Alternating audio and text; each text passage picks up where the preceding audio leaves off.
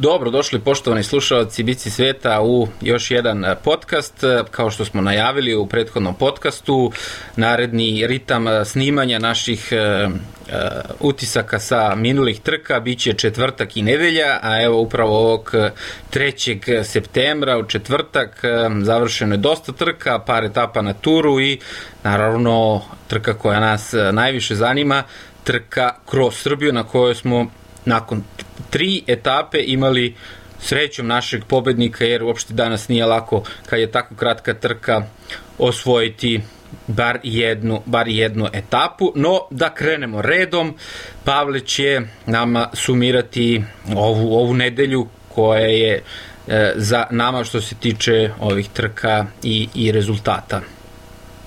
Najpre da prođemo onaj obavezni deo pre nego što budemo razmenili utiske u generalnom plasmanu na trci kroz Srbiju je slavio Martin Haring iz Slovačke iz ekipe Dukle Banjska Bistrica.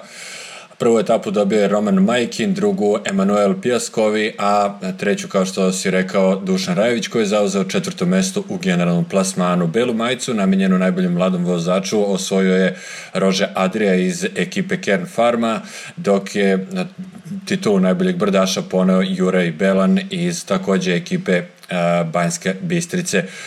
Sutra, odnosno u petak 4. septembra, počinje 14. izdanje trke Beograd Banja Luka, činit će četiri etape. Interesantno je da ćemo moći uživo da ispratimo vozače tima Kaha Rural, kao i većinu vozača koji su učestvovali na trci kroz Srbiju. Takođe u nedelji za nama, odnosno od kako smo se poslednji put videli i čuli, a, okončana je trka kroz Mađarsku. Pobednik u generalnom plasmanu jeste Atila Walter iz ekipe CCC. U pitanju je mađarski šampion u hronometru. On je prošle godine bio treći na a, jednoj od etape Beograd-Banja Luka i uzeo etapu na Istarskom proljeću. Takođe, Janez Brajković je zauzeo šesto mesto.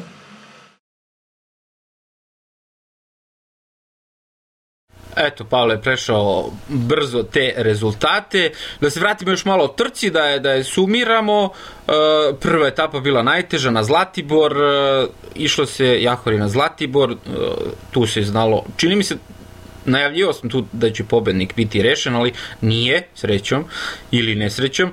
E, rekao bih da je tu Dušan Rajović ono svim srcem vozio i, i iako to nije bila etapa za njega, čuo sam se ja sa njima tamo kad su bili momci na Zlatiboru, kaže Dule baš ono e, iscrpio se jer brdska ta etapa uspo na Zlatibor nikako njemu ne odgovara, on je sprinter i držao se do tog tunela na Zlatiboru a etapu prvog dana osvojio Roman Majkin, kao što je Pavle rekao, dugo godina vozač Rus Velo tima, sada vozi za neku Kambođu, odakle, kako, ko će ga znati, traže ljudi samo ekipu. Danas, svima je teško da pronađu ekipu, ne samo profesionalcima, nego da mislite kako je teško tim mladim momcima. Drugog dana, evo ja sam upravo izbacio reportažu sa sa te etape. Drugog dana su Poljaci videli od, koga preti opasnost i izolovali su Rajovića u toj prvoj grupi i na kraju su mu skakali, skakali, skakali, nije mogao sve on sam skokove te da isprati i pobedio je najslabiji Poljak u, u celoj toj ekipi, Dule držao naravno najjačeg čoveka,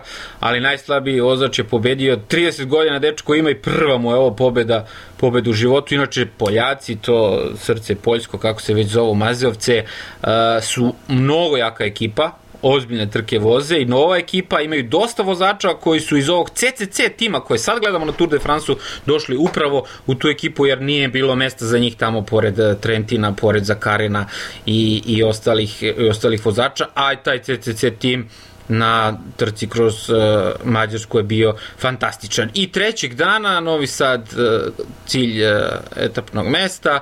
Uh, naši momci su, čuo sam se sa njima, E, čekam još video da mi pošalju, bit će to izmontirano, nadam se, narednih dana. Su napravili super taktiku, Klisurić je bežao ceo dan, sigli su ga na kilometar do cilja, a to je značilo da naši momci u grupi ništa ne moraju da rade, već su čekali spremno sprint i to je onako u, u fotofinišu u poslednjem trenutku Rajović odradio na najbolji mogući način i rekao bih pao mu veliki kamen, veliki kamen sa srca, tako da svaka čast, tri etape, bilo je nezgodno, doći do, do triumfa. Znaju svi, sve ekipe koje su tamo bile, znale da je opasnost preti od, od Rajovića.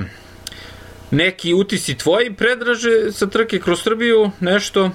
meni je najveći utisak, ja sam trku mogao da pratim onoliko koliko se pojavila na društvenim mrežama i preko tebe i preko još nekih ljudi koji su iz najbolje namere i dobre volje objavljivali i, i kratke video priloge i, i, ovaj, i, i fotografije. I meni srce puno, znači e, neka uzme celu trku ko hoće kako hoće, naš čovjek je osvojio bar jednu etapu i to je za mene pju, ko Tour de France Deus.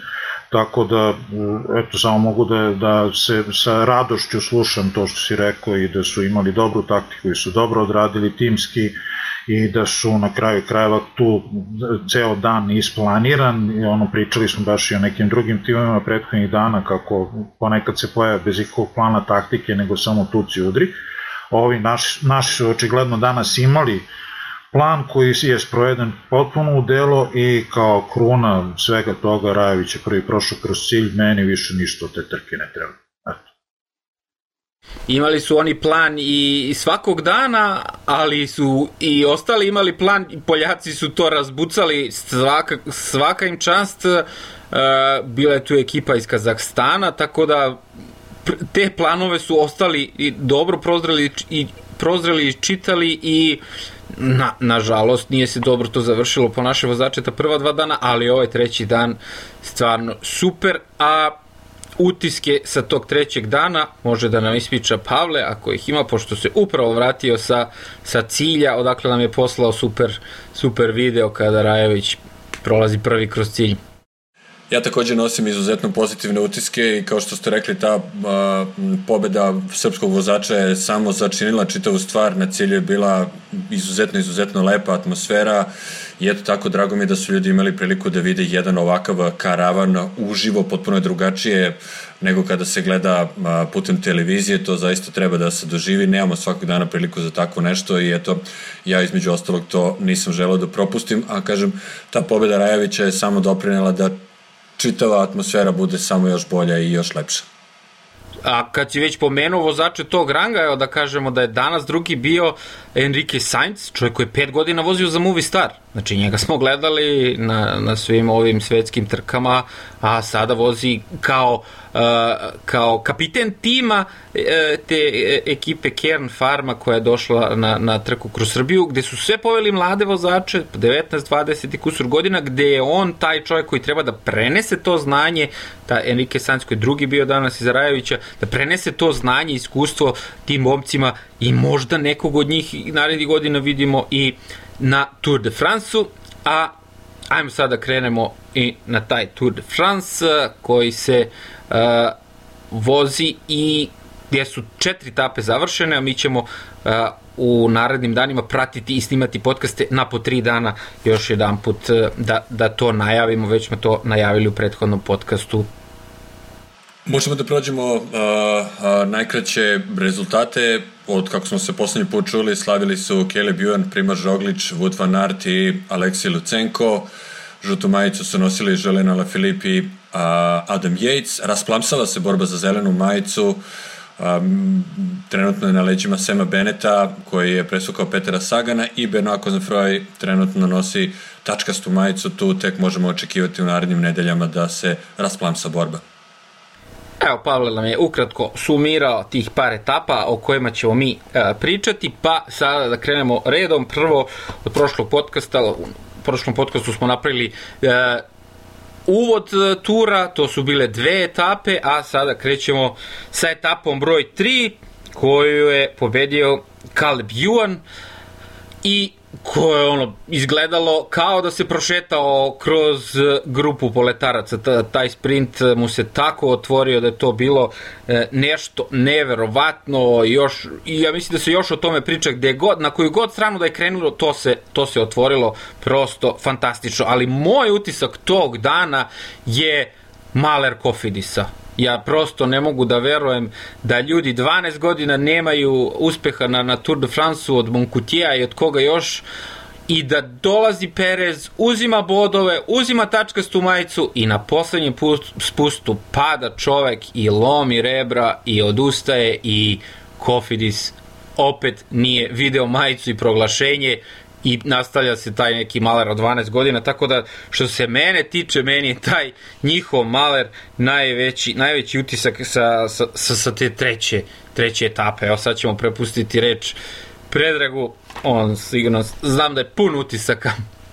Pa, pun sam utisak, ajde kad smo krenuli, kad si pomenuo Kofidi samo da, da jedan od utisaka da su po meni, ako bi trebao timski da se nosi crveni broj, oni verovatno naj, ovaj, prva ekipa koja bi trebala da nosi crveni broj za najborbeniju ekipu jer eto Perez e, Maler koji je imao bio je ceo dan u begu pokupio bodove trebao da završi sa tačkastom majicom rekao je Đorđe kako se završilo Martan je u, u četvrtoj etapi e, prvi otvorio karte, prvi hrabro napao na, na ovaj pred, pred kraj etape. E, danas smo gledali Hezuse Heradu koji je ceo dan bio u, u, u begu i na kraju završio kao drugi iza Lucenka jer realno Lucenko i, i brži, i mlađi, i startniji, Herada je na nekim malo većim strminama možda bolje od njega, ali danas je drugo mesto maksimum.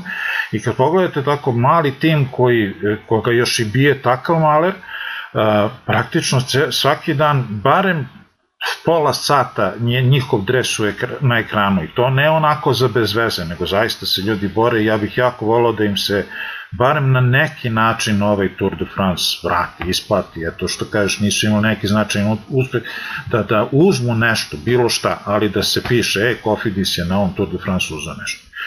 E, što se tiče ovog e, sprinta koji se pomenuje Caleb Ewan na, na, etapi broj 3, uh, Caleb Ewan se lepo odmorio posle prvog dana kada je pao po onoj kiši, kada je Eto, pričali smo o tome kako je nadoknadio 7 minuta za ostatka, drugi dan je vozio praktično u grupi i, i vozio je ovaj, potpuno zaštićen, odmorio se, Uh, on je i dalje verovatno jedan od top 3 sprintera danas i ako mu se upali iskra kad treba i kako treba, bukvalno je nezaustavljiv. On je jako malo ali kažem frima, vrlo lako se provlači kroz najmanje ovaj, prolaze između vozača i nikomu nije problem da u posljednjih 150-200 metara uđe sa desetog mesta. U, u, za 50 metara on dostigne na četvrto, peto mesto i kad u, uđe onaj turbo mod, ako mu se otvori ima i najmanji prostor, a boga mi na ovom sprintu je bilo puno prostora, on bez problema osvaja i, i, i bez problema ide. Uh, takođe možemo da vidimo da, eto, morat ćemo kad tad da ga pomenemo, pa što ne i tad, Sagan ove godine ne ide. Uh, u tom sprintu svi su se složili, ja mislim i ljudi koji tek počinju da, da, da, da gledaju biciklizam i koji su tek počeli pomalo da hvataju neka pravila biciklizma i neke zakonitosti. Svi su primetili da je prerano uz to, da je prerano krenuo u sprint i koliko god da navijam za njega, ja sam u startu znao da ćeš sad, reko lepo je videti da vuče, ali sam znao da ne može da izgora do kraja. Barem nije bio jedini koji je prerano krenuo. A, koliko znamo, oni su tamo išli u, uz, uz vetar u lice, uz vetar u prsa i, i kada je tako, to poprilično menja situaciju u odnosu na svaki drugi sprint i mislim da prosto nije jedini koji je nespremno to e, dočekao. Na drugoj strani Caleb Ewan pre svega po konstituciji je neko kome to odgovara, ide na ruku. A, o, koliko sam mogao da pronađem podatak, u jednom trenutku imao 1600 vati je izbacio, to, lični, to je lični čovečuljak, to je zaista, zaista neverovatno i rekao bih da pratimo smenu generacija u, u, u sprintu. Uh, Plus, ok, pominjat ćemo Petera Sagana uglavnom u nekom uh, negativnom kontekstu, uh, uh, pitajući se šta se dešava sa njim, ali ajde malo da mu oprostimo jer on ipak nije klasičan sprinter, a u borbi je sa tim uh, klasičnim sprinterima. Uh, jeste nešto neobično što se dešava sa njim, ne viđamo ga u zelenoj majici, već neko vreme nema rezultate kakve očekujemo s pravom od njega. Tako da, ali ajde, eto, samo to, eto, da mu malo damo a, a, malo oduška, obzirom da nije klasičan sprinter. Dobro, to je što se tiče etape e, broj 3, ja mislim da će njima vratiti Sagan Milo za drago, bar se, bar se nadam, a već narednih dana na toj četvrtoj etapi nije bilo mesta, mesta za Sagana, ali Sagan se bori na svim e, frontovima, bukvalno, ono, i, i na frontovima koji nisu za njega, kao što je Pavle rekao, možemo slobodno da mu oprostimo, jer nije nije klasičan sprinter, a sada dolaze neki mladi momci koji su stvarno mnogo, mnogo brzi i, i to je Sagan to je Sagan osjeća. Etapa broj 4, etapa broj 4, prvo brdo. Prvo brdo na Tour de France-u, ali brzo brdo, Znači nije to, nisu to bile one visoke planine, ali šta smo vidjeli? Vidjeli smo na toj etapi broj 4 da je Rogla blefirao prethodnih dana sa povredom i da je u najboljoj formi, da mu praktično što se kaže nije ništa, da najbolji od najboljeg. To brdo, uh, slušao sam, mnogi su nazvali kao onaj FTP test, kao power test, ono, ceo dan se išlo brzo i poslednje brdo poslednje brdo pun gas gde ih je Rogla osprintao, a ono što je Svetioničar rekao na toj etapi smo vidjeli Kofidis, Julian Martan je prvi otvorio taj sprint, ali je Roglić bio stvarno maestralan, odmah je to ispratio i, i osprintao ga. I Jumbo je tu bio fantastičan, razbucali su Ineos, tu smo vidjeli su razbucali Ineos, da je Wout van Aert čovek ko je vukao i tu ono, kad se sklonio sa smene, Kjatkovski rekao, joj, brate, daj malo da uhvatim dah, čekaj šta se dešava. I onda kad je Sepp Kus video to, daj pun gas, Rogla ispratio i posle više nije bilo zaustavljanje. Tu je bukvalno bilo ono kao što je neko napisao na Twitteru, Jumbo Ineos 1-0. E, ja bih skrenuo pažnju svima da ako, ako imaju vremena i, volje da pogledaju opet e, finiš četvrte etape, jer osim što je e, Rogla pokazao u koje šta je i u kako je trenutno formi, mogli smo da vidimo da je još jedan vozač u izuzetnoj formi i nažalost nesrećno nije postigao bolji rezultat. Obratite pažnju na Lopeza kako ide desna krivina rogla je u tu krivinu ušao bukvalno po tangenti da, da, da skrati put i bukvalno je isekao Lopeza koji nenamerno naravno i to nije nikao prekrše bio, to je deo trke, ali tu je Lopez izgubio pola pedale, otprilike, taman dovoljno da uspori propao za jedno, jedno, za jedno mesto i kad su izlazili iz krivine, kad je kre, hteo da krene dalje, Pogačar ga isekao, jer je Pogačar u tom trenutku krenuo desno da, da, da obiđe, ne znam ko je tačno bio ispred njega, tako da je u posljednjih 70-80 metara ovaj, jedne lepe uzbrdice, Lopez dva puta malte ne stao i opet stigao četvrti, peti, već ne sjećam ko je bio, ali je imao taj zalet, imao je to je to, to je taj zamak. E, e, baš smo ovaj nešto komentarisali tokom trke opet mu ispada ovaj noga iz pedale. Trebalo bi mu super lepo vezivati noge za pedale. Ja ne znam kako uspeo. Tehnički ne znam kako uspeo to da izvede. Ovaj, ali opet je na to nadoknudio, vratio se u grupu, i e, do samog finiša bio u vrhu grupe, kažem da nije bilo ta dva slučaja, da je bio možda malo širi put ili praviji put, da nije bilo te krivine, verujem da bi bio ha, bar drugi. Eto. Pa meni je glavni utisak, e, pored ovih koje ste već e, naveli, pojavljivanje Tadeja Pogačara. Nekako želim da mislim da on može da ostvari dobar rezultat na ovom turu, na kraju krajeva a on i njegov zemljak Primar Žoglić su završili na podijumu na poslednjem završenom Grand Turu i nekako pripreme Tadeja Pogačara su prošle pomalo u senci, a zašto zapravo ne bi mogao da ostvari dobar rezultat uprko svojim mladim i nežnim godinama, on definitivno jeste budućnost svetskog biciklizma, ovde se pojavio možda bolje od ostalih ispratio taj napad Rogliča i meni je to onako jedan pozitivan izuzetno utisak uz uh, još jedan utisak koji ćemo povezati sa današnjom etapom, a to je jedan čovjek kojeg nikako ne vidimo, što bih protumačio kao dobru stvar, a to je Mikel Landa. Na, dakle, evo, polako se bliži kraju prva nedelja, njemu se ništa loše nije dogodilo i a, to je najbolja moguća stvar da neko tako a, a, provodi vreme u senci, pa da onda iskoči kada zapravo dođe vreme za to. Ja samo da se nadovežem, kad si pomenuo Landu, uh, ostaje nepomenuto, a, nažal, a mislim da je jako značajno, glavni, najveći i najbolji pomagač Landin, Wood Pulse je u stvari jako teško povređen od prvog dana. Od prvog dana vozi sa slomljenim rebrom i kolabiralim, je, je, ovaj, kontuziju plućnog krila imao E, tako da e, možete zamisliti kroz kakve paklane muke prolazi čovjek samo da ostane u pelotonu, da, da, ovaj, da može možda u trećoj nedelji da pruži 85-90% svojih mogućnosti pa na taj način da pomogne Landi. E, to me jako podsjeća na, na e, Lawsona Kredoka od, od preprošle godine kada je ceo tur odvezu sa slomljenom lopaticom i sa onolikim ogrebotima, ceo je bio u zavojima, ali izgurao od prvog do posljednjeg metra e, tri nedelje trkanja, što samo govori o tome od kakvog su materijala pravljeni ti ljudi, mislim, ne znam, sa kriptona verovatno.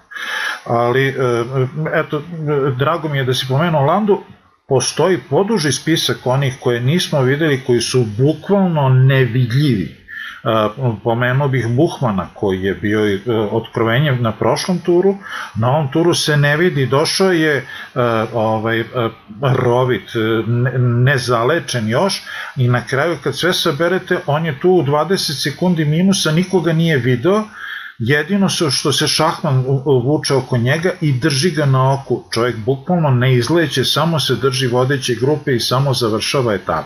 I takvi sad možemo da napravimo sigurno 5-6 vozača i e, kad pogledate 22 vozača su trenutno u 30 sekundi ili tako neki, neki broj. Znači, ja se ne sećam da je prva nedelja na turu završavala sa tako gustim e, e, e brojem vozača u tako malom vremenskom razmaku. Tek je počeo tur.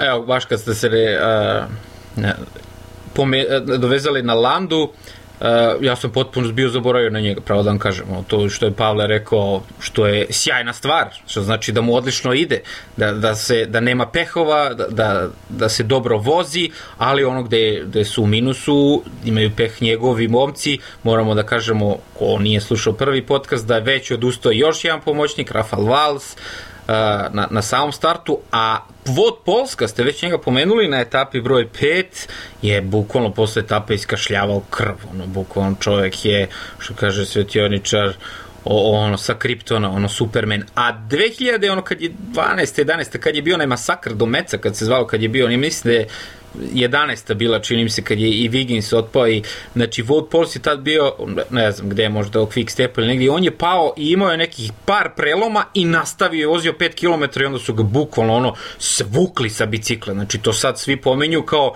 se nemojte sad, Wout Polsu je super zato što je on hteo da vozi sav izlomljen je kao skinuli ga kao čoveče, gde ćeš?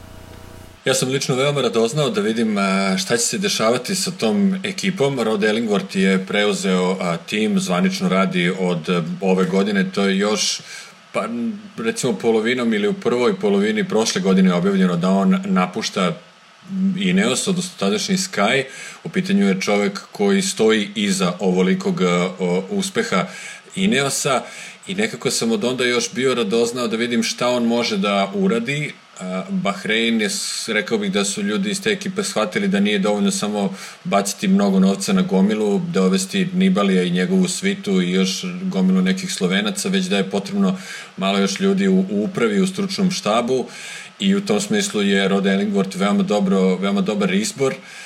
A, sezona je takva kakva jeste 2020. godina, svi oni nisu imali dovoljno vremena da rade na tome, te u tom smislu rezultati njihovog rada nećemo moći da vidimo. Objavljeno je nedavno da se i McLaren povlači kao sponsor, naravno, automoto industrija poneviše trpi a, u ovo doba virusa korona, te zbog toga nedostaje novca.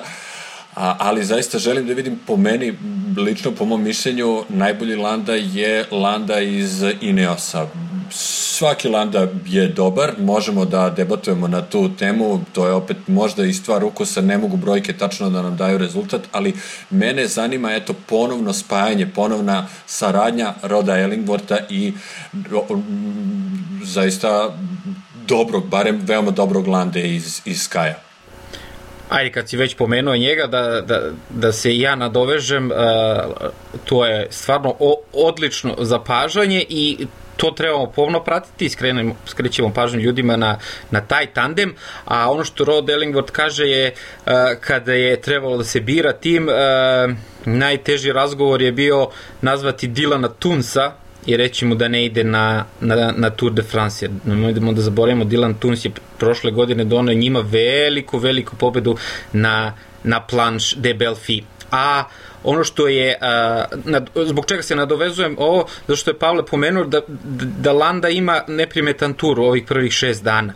I ono što je a, Rod Ellingworth istakao kao najveći izazov je to da se sačuva Landa do brda do njegovog terena, jer on na vetru ne može da se sastavi, gubi vreme na hronometrima, sreća pa hronometar sada nema, tako da je na svom terenu i njih smo vidjeli sad na čelu, uh, veruju njega, Landa kaže za, za sebe da je u najboljoj formi, uh, on je najteže, kaže, i to i Rod Ellingworth podneo, a to smo i gledali setioničar je to nekoliko puta isticao, njemu je najteže pao ovaj karantin, znači njega je bilo najteže motivisati, trebalo je da ga, da ga zovu ono svaki dan, da ga da diljaju, daj vrate, sedi na bicikl, vozi, trenira, trenira, vidjeli smo i one kadrove kada ono sekirom napada trenažer, znači tu su oni imali veći izazov nego sad da, da, da se on trka, znači ušli su u ritam trke i videli smo ih na čelu i, i to je super. A, a nadamo se da će se, da će se on pojaviti u trećoj nedelji. A, još nešto sa etape 4? Samo jednu rečenicu za, Land, za Landu, uh, najbolja, najbolji Landa je Landa iza stane i to, time ćemo završiti diskusiju o Landi. Hvala na pažnji. Dobro, da, ne, da, ne, da nas ne napadaju u komentarima. Svetioničar je lepo stavio tačku na ovo, na ovo poglavlje. Tebi je Đorđe onda ostao Landa iz Movistara. Ili biraš Lando iz, ili biraš Lando iz Bahreina. Ne, Landa, ej, Landa iz Euskatel Euskadi bio najbolji Landa. Tačnije, taj tim koji se, nažalost, Boga rastorio, za, pogledajte koje su samo imena vozila tada. Sad bi, sad bi gađali podijum na Tour de France da su ostali zajedno. Meni je najbolji Landa ovaj sad i naravno Landisimo pokret, svi verujemo u njega, a idemo sad dalje sa turom, uh, etapa broj 5, najreko bih čudnija etapa do sada, etapa u kojoj nije bilo bega. Ne znam, ja mislim da se nikad u istoriji tura to nije, nije dogodilo etapa broj 5 gde niko nije hteo da beži, gde smo videli borbu za bodove, gde je zvanično na prvom prolaznom cilju Sam Bennett uh, uzeo više bodova od Sagana. I ono što je Svetioničar isticao prethodni podcast, to je da Sagan nema svog čoveka koji bi mu otkidao bodove drugim vozačima na sprintu, a to uh, Sam Bennett ima, to je Morkov i ozbiljno e, bod po bod kljucaju po ostalima Morkov i, i Bennett i, i sjajno to radi i možda to bude predsudno nadamo se samo da će Bennett pregurati, pregurati brda. Etapa broj 5 šta je bilo ono najduža tranziciona zona ikada? Evo ako mogu ja da kažem, etapa broj 5 koja je u početku ličila na izlet na biciklima udruženja penzionera moje ulice, koji su išli do susednog sela da popiju kafu i ratluk uzmu, e, je e, na kraju, kad se sve sabere, pokazala neke stvari koje možda nisu bile vidljive na prvi pogled ono, na, u, u samom startu. Prvo, ono što smo pomenuli prošlo, u vreme prošlo, u, u, u toku prošlog podcasta, U Imasu više apsolutno ne postoji ta e, čvrsta disciplina i taj voz po svaku cenu koji treba bude napred i sve to imali smo prilike ceo dan da gledamo vozače Ineosa razbacane svuda po, ovaj, po pelotonu i u opuštenom razgovoru i između sobom i, i sa drugi, i vozačima drugog, drugih timova i to je bilo fantastično. Ono što uh, je, uh, moram da kažem, uh, ja sam bio oduševljen kad sam video šta su uradili, ali sam se naravno i razočarao jer nije uspelo.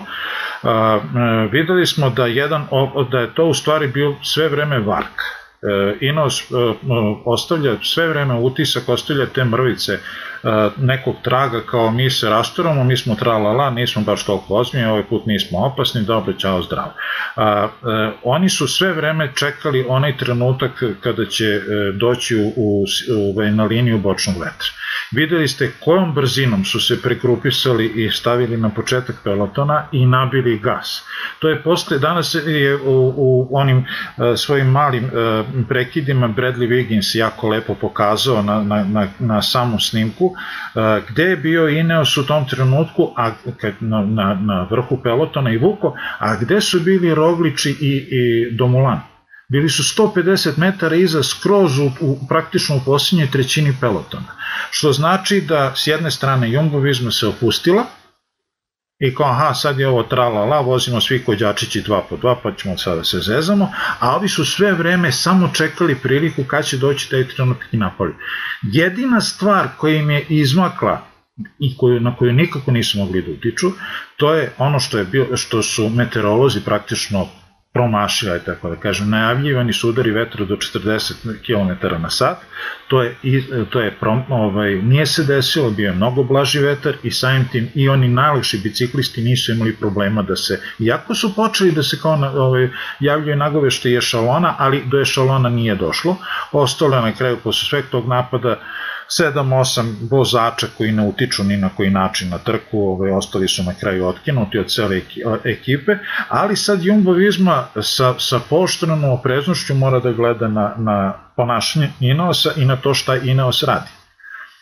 Uh, takođe tu je meni eto da samo da napravim jednu uh, crtu da se vratim na na prethodnu etapu uh, Sagan je išao u borbu u, u, u beg i otišao u vr brda negde vozio brdo, brdo, brdo, brdo, brdo, dve trećine etape i onda stao, sačekao da ga, da ga pokupi peloton i znači trošio snagu bez nekog vidljivog razloga.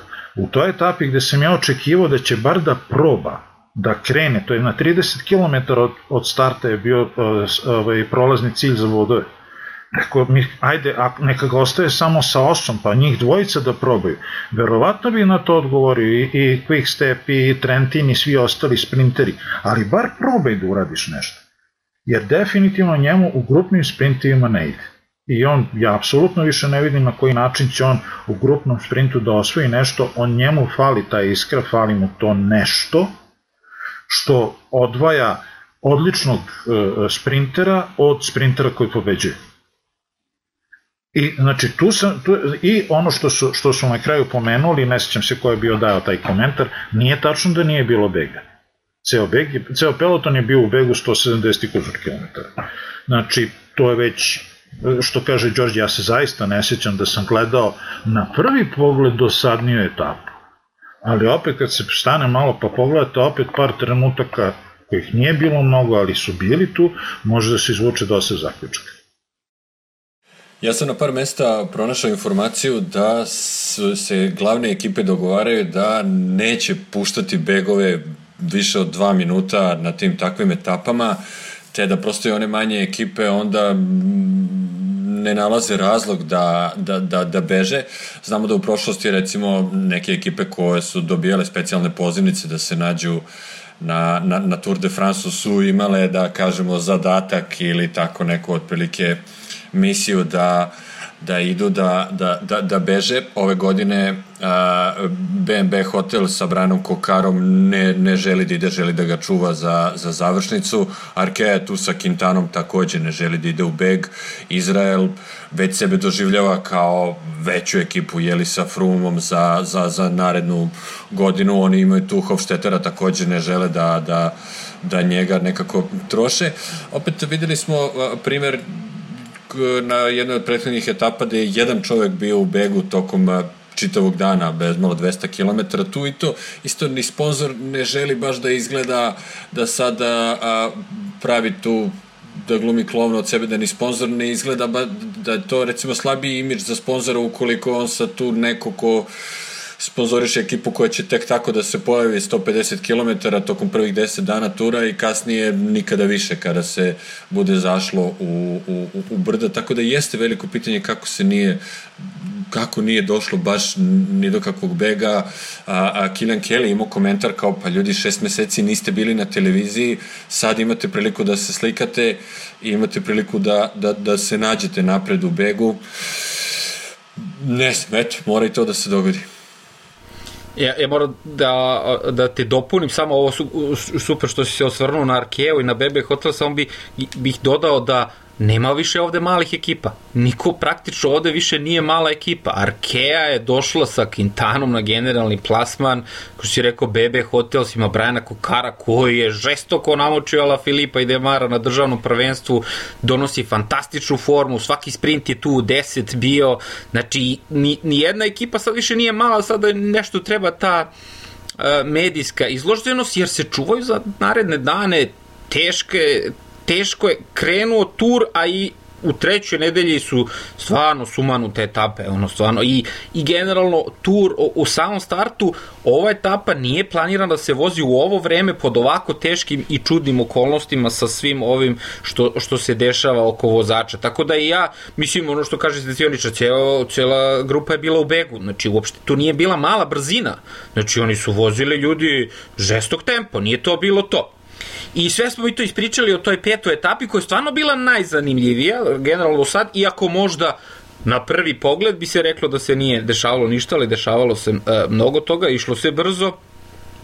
Samo još jednu stvar da kažem u vezi pete etape. E, ono što smo pominjali milion puta opet se ponavlja. E, da li može neko da mi kaže jedan logični razlog da u, fini, u, u finišu etape suze put na 5 metara širine da svi moraju da se nagoraju 5 metara širine još sa onim ovaj, e, nosačima panoa sa strane koji imaju na nagare koje štrče. To je bukvalno poziv bio da, da, da, da, da jedan zakači da se napravi karambol. Zašto? Meni onolika ulica je bila široka, moglo da se radi. To je znači samo kritika na račun organizatora. Sve smo rekli, ali nismo rekli pobednika, a to je uh, Wout van Aert, dečko koji je uh, prva dva dana nosio vodu, a dobio je šansu sad od strane tima i iskoristio je. Na, na, na najbolji mogući način, ali nešto iskoristio na najbolji mogući način, nego je iskoristio na uštrb voza Sun Web tima koji je najbolje funkcionisao tu, tim koji nema nikakvog nekog vozača koji iskače, koji je lider, je najorganizovaniji bio na toj etapi u toj završnici, znači Sun Web je fantastično odradio sve, ništa im se ne može zameriti, svog sprintera su ovako doneli kroz ovu usku ulicu, što kaže Svetioničar, sve su radili super, doneli su Česa Bola do, do sprinta i on je fantastično sprintao, ali vidi pod Vote Van Art. Dečko koji je dan pre toga mučio brdaše i razvukao Kjatkovskog ono, do, do, do krajnjih granica mogućnosti, danas je ono o, osprintao sprintere i to je izgledalo tako lako, a Vote Van Art, dečko, ima jednu pobedu na turu, prošle godine, jednu ove godine, Strade Bianche i Milano Sanremo. I kao, mislim, Wout van Aert, novi Ala Filip. Im, ima mnogo više, e, pogledajte na nalogu ove, Laure Messiger e, izbacila je divan spisak šta je sve za 16 takmičarskih dana uradio Wout van Aert. Znači, osvojio je Strade Bianche, osvojio Milan Sanremo, e, e, nacionalni šampion na hronometru, jednu etapu na Dauphineu, juče osvojio etapu, ali e, mimo svega toga, ja mislim da, da se odavno nije pojavio vozač za koga apsolutno nemate pojma u što da ga svrsate, jer podjednako dobro penje brda i sprinta. Znači, ono što je rekao Đorđe, on čovjek stvarno je tri dana vo, nosio vodu od, od, od kola na, napred, on je pretposlednji čovjek ispred Rogle, to je izuzetno važno mesto, Izuz, videli smo u svakoj etapi, on vuče do recimo na kilometar pre cilje i onda uzima sep kus kao poslednji čovjek ispred Rogle. Znači, on je izuzetno bitna karika u lancu i samo zahvaljujući tome, što je apsolutno posvećen timu i bez pogovora e, izvršava sve zadatke koji mu se daju. Uopšte nema taj, taj e, ovaj, e, status zvezde u svojoj glavi, ništa mu nije teško. Samo zbog toga neće uzeti zelenu majicu ove godine. Da ga puste, da, da, da jurca za bodovima, ne bi bilo šanse da ga bilo ko, da bilo ko pravi ostaje, ja mislim, samo da vidimo Vota Van Arta sa onim prslukom sa bidonima da sprinta Sagana i Beneta, ono, jedino to, ono. Uzbrd. ja mislim da je to... Da. A, pa mora se priznati da mu je išlo na ruku a, to što je etapa takva kakva jeste, donekle ravničarska svakako transiciona i to što se sve dešavalo na etapi svakako je bilo lepo od strane njegove ekipe što mu je dato zeleno svetlo i naravno odradio je posao i snova, donao je novu pobedu ekipi koja možda nije, nije bila potrebna, ali eto sigurno podiže a, njegovo samopouzdanje i uopšte u timu i popravlja atmosferu i dotaćemo, dotaćemo će se kasnije, odnosno kasnije ćemo se dotaći a, svetskog prvenstva. Ja sam dozvolio sebi da, da mi ra, proradi mašta i sada kako stvari stoje a, a, sa novom a, stazom svetskog prvenstva možda bi mogao da bude prvi čovek ikada koji će osvojiti u jednoj sezoni i titulu na hronometru na svetskom i u drumskoj trci. Ako ćete mi reći da je to samo 5 dana nakon izuzetno teškog Tour de France-a, imam da odgovorim sa primjerom Bradleya Wigginsa iz 2012. godine koji je nakon tura osvojio a, olimpijsku medalju na hronometru, a tri dana pre toga a, radio 200 km za, za Veliku Britaniju na drumu. Takođe, ako malo pogledamo raspored na turu, on bi mogao tog zadnjeg, Vut, van Aert bi mogao zadnjeg petka da ima možda malo lakši posao, plus u subotu je hronometar koji, ajde, ako ga bude zanimalo svetsko, neće ga a, a, zanimati taj hronometar. U nedelju bi trebalo eto da se vozika možda sa svojim, a, sa svojim ekipom u žutom, tako da možda bi mogao da ima a, a, dobre šanse da možda malo i odmori pred a, svetski šampionat. Ta peta etapa, rekao smo, najduži i najveći beg, cela grupa, Vout van Aert, što kaže Pavle, išlo mu na ruku to što je bila takva kakva jeste etapa i uh, ja sam pratio ovde uh, pratim Nemce, pa oni imaju geške, a ostavlja geške svaki dan, ima kao Twitter, Tagebuch, Twitter dnevna knjiga i onda ga ovaj jedan tu sa Twittera pita šta kako, onda on odgovori i onda je on odgovorio kao prosečan puls 128 i onda samo ono dole u komentarima javlja se Grajpel prosečan puls 98. znači, Grajpel je još više ladio mašinu. Ali, eto, na, baš na toj etapi koja kao nije bila zanimljiva, desilo se najzanimljivija stvar, promena žute majice na potpunu glupost. Znači, kazna za Ala Filipa, uzimanje bidona unutar 20 km do cilja, proglašenje, uzeo žutu majicu, ni on nije znao da je napravio grešku, pa onda taman krenuli u hotel, ej, zovi ove sudije, jao, daj, kazna bila, vraća i jejca, uzeo žutu majicu na podijum, ovo, i opet, ono, ja sam na, prvo pomislio da, da su namerno, a onda posle kao, pa kad su namerno, imali su mnogo mnogo boljih načina da to urade ako su namerno. Onda vidiš da su stvarno svi što i Svetioničar u prvom podcastu pričao psihološki pod ogromnim pritiskom što se tiče ovih svih uslova pod kojima oni voze u, u, u ovoj situaciji. Tako da Mislim, Sky, uh, Quick Step uopšte nisu oni amateri da sad da, da, da im se to dogodi, znaju pravila, ali eto, ja moram da priznam od prvog trenutka, prvo kad sam čuo da je izgubio žutu majicu zbog kazne, preko fotku znam šta je radio, kako radio, jer nek, neki tweet mi je proletao, nisam ni stigao nešto da, da, da, da obraćam pažnju na to, međutim ovaj, imam običaj kad naleti neki tweet da vidim, da pogledam ih komentare, da pročitam i onda pročitam u komentare. Jeste videli komu je u stvari dao vodu? E, to je neki rezervni čovek koji uopšte nije, ja mislim... Ne, Ne, ne, ne, ne.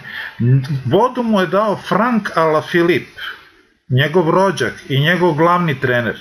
Što je potpuno, potpuno sumanuto. Znači, oni bi morali da znaju za tih 20 km kazne. A, to je ono o, o čemu vozači pričaju. U, ovo je sve vanredno sada. Sve je novo, sve je drugačije.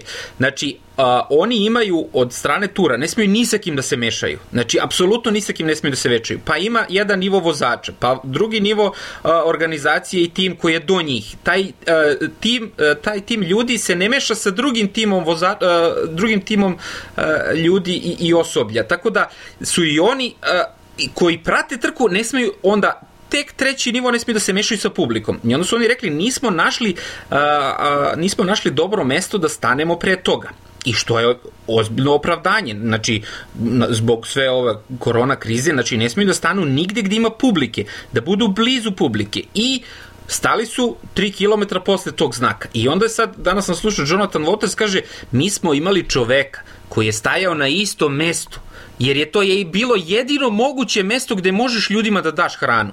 Ali smo onda na radiju sto puta čuli, nema dodavanja hrane i vode unutar 20 km od cilja. I onda smo brže bolje zvali te ljude i rekli im, ej, bežite odatle. Znači, daćemo vozačima nekako drugačije vodu. I sad ono što oni isto sad imaju jako težak posao, što mnogo manje osoblja imaju. Svakom timu je dato 30 ljudi da prati da ima u trci, što znači 8 vozača, 22 osoblja. Znači oni su imali po 40 ljudi, znači to je duplo manje. Znači i sad oni daju svima redom, e, obuci ovaj prsluk, samo daj, stani negde, daj našim vozačima uh, hranu, vodu. I zato je njegov rođak kao taj neki eksterni faktor koji nije u karavanu, ne spava sa njima, ne nosi masku u kolima non stop. Znači čak Mitchelton Scott je napravio tako da svaki vozač spava sam u sobi. Mislim, ono kad pogledamo njima je najzabavnije kad su u grupi u pelotonu tu. Znači ljudi su bukvalno ono odvojeni kao životinje u kavezima kad siđu sa bicikle. I sve to je doprinalo do toga da Quickstep pošalje a, Filipovog rođaka da stane i napravi čovjek grešku. Zbog sve tog pritiska i svega toga je napravio grešku.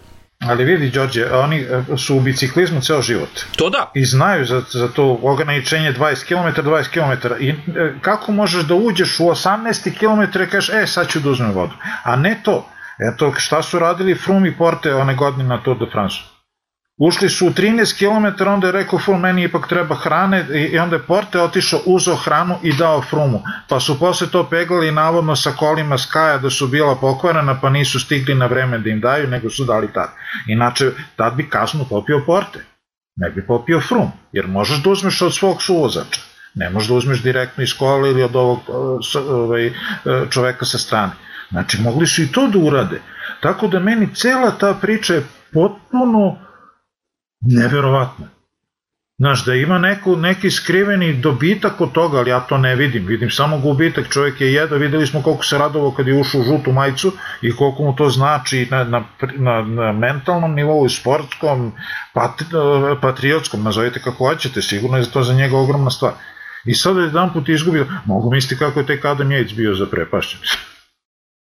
Videli smo i danas koliko je pokušavao da vrati tu majicu, ako je moguće, što na kraju nije bilo apsolutno moguće. Mislim da je jednostavan odgovor od toga da li su oni hteli namerno ili su nešto propustili ili su nešto zaboravili. Uh, bio je gladan i žedan i njemu je u datom trenutku, mislim da, ok, nije on bio ni svestan do kraja, tako nekako i sam deluje, ali mislim da je prosto bio gladan i žedan i da mu u tom trenutku jeftinije da izgubi 20 sekundi nego da vozi još 17 km gladan i žedan, time može da napravi mnogo veću štetu. Kakva god etapa bila recimo laka, lagana do kraja. Mislim da jednostavno neka mešavina to malo se zaboravi u žaru borbe i jednostavno je bio kad si gladan nisi sav svoj. Upravo tako, i ne samo to, nego što to pravilo, svi se slažu da je to pravilo onako, baš bez veze, neko pravilo. Ajde, kazni ga, ali kazni ga a, novčano. To ima, ima ti kazni koliko hoćeš, samo onako napravljeno da se skupljaju, skupljaju pare. A ovo je kazna vremenska i ono, napravljene zbog toga, a, na, svi se slažu da je bez veze, ali napravljene zbog toga da nema onih bidona da se vuku vozači za auto u zadnjih 20 km.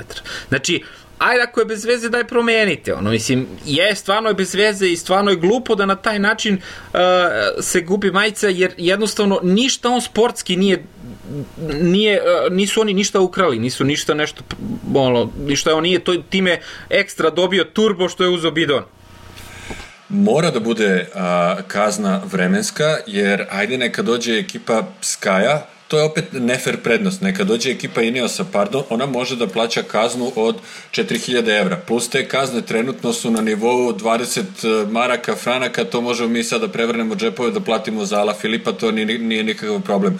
Mislim da je to fair prema manjim ekipama, a, da kazna bude vremenska, zato što bi Ineos, Bahrein, pa ovih dana evo i Movistar mogli to da plaćaju kome god, uzmite evo pet bidona, ja plaćam. Tako da u tom smislu jeste ok da, da bude vremenska kazna, pa eto tako, vidjet ćemo koliko će to oštetiti Ala Filipa u budućnosti.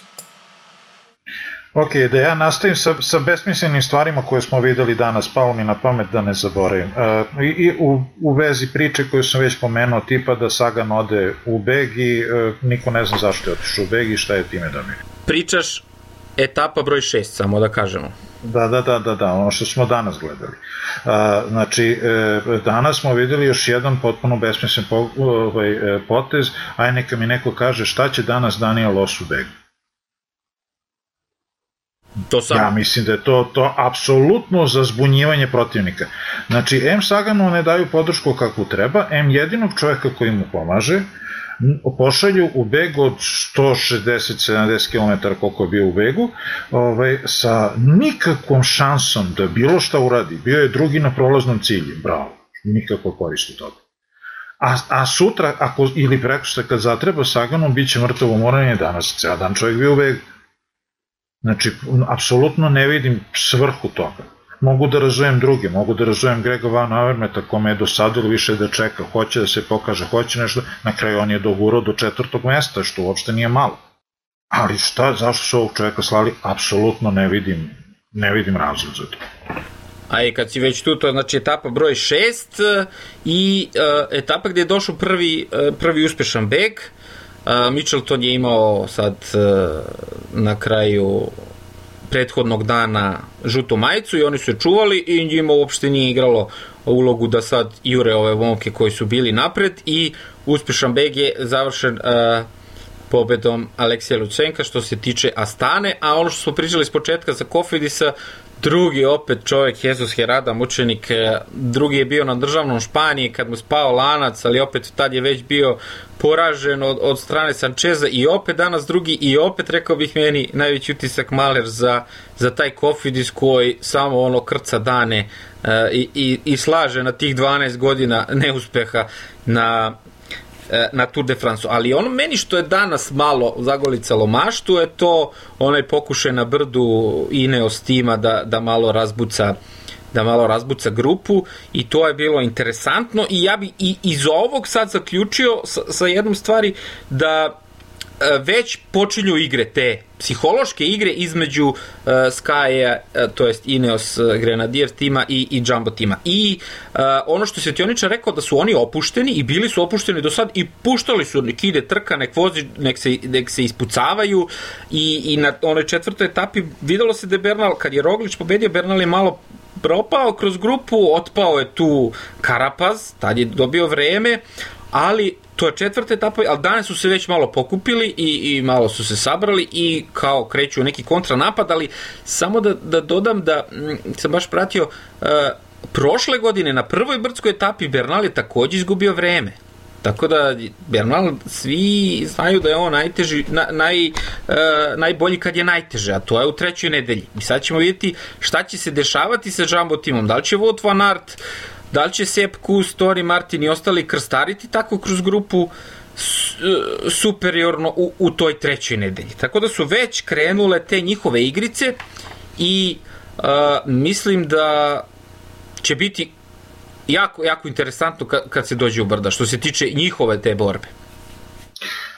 Ja ono što sam primetio danas i što mi se nije dopalo, to je što u jednom trenutku Ineos Juri, Breg, Juri Beg Znači da sam na mestu neko ko donosi odluke rekao i pusti i neka se ispucavaju dalje, neka se troše dalje. Danas paradoksalno zvuči bila je etapa e, e, sa Begom i tu su praktično ceo peloton je odmarao i kad su došli u brdo ipak je to bio uspono 30 km koji je ju, ve, najveći broj deo jumbovizma proveo odmarajući uopšte se nešto nisu potresali Rogle je završio danas na 23. poziciji bez ikakvih problema, zato što je bio u, gru, u velikoj grupi i Ineos se danas potrošio, ne uradivši ništa.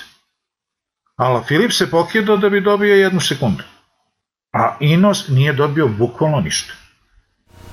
Ala Filip pokušava da vrati to što je što je izgubio na prethodnoj e, etapi praktično glupošću, ono što je Pavel rekao, bio i žedan i gladan, ali ako si vrate žedan i gladan, daj pošalje nekog iz svog tima, nek uzme, nekom popije kaznu, pa nek ti da, nek ti da bidon i, i, i mirna bačka, ali uh, mislim da se, svi, svi ćemo se složiti da to nije onaj Ala Filip od prošle godine. Znači, Ala Filip iz 2019. bi svakako ono, krstario kroz grupu kao što to radi uh, Wout van Aert sada i da bi on, rekao bih, Roglića osprinto na toj četvrtoj etapi i da bi danas možda i, i 10 sekundi 10 sekundi tu zaradio, ali eto, Wout van Aert je novi Alaphilippe uh, za, za, za ovu godinu.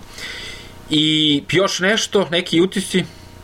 Pa samo generalni utisak da, to sam danas napisao nekom tweetu da je za mene Tour de France tek počeo. Znači, sve, videli smo svašta, videli smo to kao bokseri u, poč, u početku, gong kao značio početak meča i sad ono prvu rundu obliči, ono kao bilo, to je neko nekog peca, nekog ali realno se nije desilo na ništa prelomno. E, znači, niko još nije napravio veliki e, zaostatak, niti je, na, jesu, svaka pobeda je veličanstvena i svako prikazivanje koliko si moćan izgleda lepo, ali od time se ne dobija trka. Znači, ono što imamo, taj utisak, ja bih lično volio da su pola toga uradili od onoga što su radili sad, ali da su sačuvali, govorimo o jumovizmi, da su sačuvali snagu i da su, da, da o, o, u punoj snazi ući u treću nedelju ovako kako se troši kako se razbacuju, ja to sa zemljom i dalje čekam.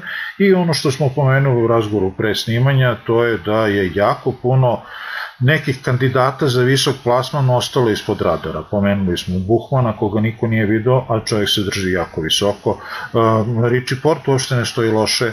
Uh, ovaj, uh, Martan, i eto kad smo pomenjali Kofidis, ja mislim da on sad četvrti u, u generalnom ili tako nešto, čovjek je jako visoko, uh, a dolazi nazovi iz malog tima.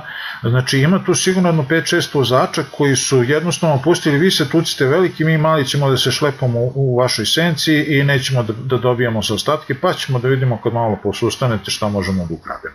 I e, drugi u, u, utisak nakon svih ovih šest dana što me zaprepastilo danas, kad sam vidio Mohorića da, da ono, radi lepljivi bidon od kog će verovatno da dobije ovaj, e, kaznu, I onda sam kopirao da glavne begunce nismo ni, uopšte videli do sad ovih šest etapa.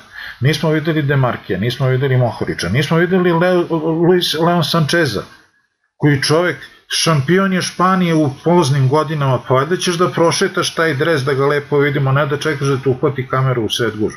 Znači, e, još se nešto iza brda valja, još pola karata nismo videli ko šta ima i ko, ko je šta sve spremio i donao u Francusku. Tako da, šta da vam kažem, ne propustite ni jedan minut, ni jedna od narednih etapa, bit će tu još vatrometa. Pa meni pojavljivanje a, voza Ineos Grenadiersa a, ponovo rasplansava maštu u smislu da li su se oni vratili tome i da li je to uh, Jumbo Visma dozvolila ili Jumbo Visma stvarno umorna ili, su, ili je sad Jumbo Visma shvatila da to možda nije baš tako lako ili su možda shvatili da to ne bi trebalo da rade. Znamo da je Tom Dumoulin kritikovao tu njihovu taktiku nakon Dauphinea. Nekako smo u prvih uh, pet dana zaključili da je Ineos razbucan i možda ne bismo pogrešili a, u, u toj proceni, ali smo danas videli neke tragove njihove stare vožnje, koja je interesantna ili ne, ali svakako donosi rezultate. I nekako meni je to ok da vidimo dva snažna voza. Videli smo na poslednjoj e, etapi Dauphinea kako može interesantno da bude kad nema ni jednog voza, kad, kako se nekad, nekad prosto vozilo, kako se nekad trkalo. I sad, zaista, zaista, zaista sam veoma radoznao da vidim u narednim danima opet koji voz će da preovlada. Da, da li je ovo bila samo epizoda Ineosa, koliko oni mogu da, da, da izdrže, ili su se vratili na velika vrata, ili su možda u džambovizmi malo promislili pa pustili gas i rekli ok, čuvamo se mi još 4-5 dana pa u trećoj nedelji se mi vraćamo. Biće to zanimljivo, ti, t, t, to njihovo nadmudrivanje, ali meni što je isto jako zanimljivo i što je stvarno super, što se, e, što se ovde vidi da su dve potpuno različite trkačke taktike. E, stari iskusni Ineos, Grenadiers, koji je prethodnih godina suvereno vladao i pobeđivo trku i sada dolaze ti mladi momci, te Jumbo Visma tim koji ima sve super e, momke, harizmatične i koji potpuno drugačije vozi trku nego uh, što je to Sky i Neos kako su se već zvali prethodnih godina. Jer, sjetite se, u Ineosu je bio ono što je svetioničar isticao, jedan jedini cilj, žuta majica u Parizu. Znači, oni su imali Kviatkoskog svake godine i nijednog trenutka nije im padalo na pamet da ga puste da ide u beg ili da, da, da uzme, da proba da sprinta neku etapu kao što je to sad Jumbo dao Wout van Artu. Znači, s te strane, sjajno. Meni je to, što se tiče teog trkanja, ali opet, e, što se tiče tog trkanja, super. Ali opet, s druge strane, na Jumbo je da sada pobedi trku. I oni nisu 100% sigurni da će im to poći za rukom, ali daj kad smo već tu, kad smo već tako jaki, daj da uzmemo neku etapu. Evo ga Rogla, evo ga Wout van Aert, superiorno sada vladaju, ali tur, treća nedelja je ta, ono što kažu, uh, toliko uh, smešna koliko je teška. Ono, stvarno nije normalno, etape se nižu brdske jedna, jedna za drugom. Tako da, naredna tri dana, uh, će biti prilike za begunce, ali opet ide na etapi 8 i 9 u Brda i onda ćemo imati dan odmora. I u drugoj nedelji će tu već biti žestokog trkanja, jer kao što vidimo sada žuta majica je bila vruć krompir. Niko nije hteo tu da uzme. Rogla je pobedio, ali nije hteo da daje drugo vreme da ne bi uzeli žutu majicu tako rano. Svima je super sada i što je Ala Filip nosio majicu i što sada nosi Mitchelton Scott. I oni će braniti žestoko narednih dana koliko god budu koliko budu mogli. To je to što se tiče ovog e, podcasta. Ja samo da vas još jedan put e, napomenem na kraju da nas pratite i na drugim e, društvenim mrežama, na našem YouTube kanalu ima par reportaža sa trke kroz Srbiju, nadamo se da će biti još par kad bude i o, trka Beograd Banja Luka na Instagramu, Facebooku, Twitteru, gde vama najviše odgovara, tu smo, imamo uh, profile, kliknite like, subscribeujte se da budete uvek u toku sa najnovim pričama iz biciklizma, jer bici svet to i jeste. Prijatno i do sledećeg podcasta. Pozdrav s moje strane. Ćao svima.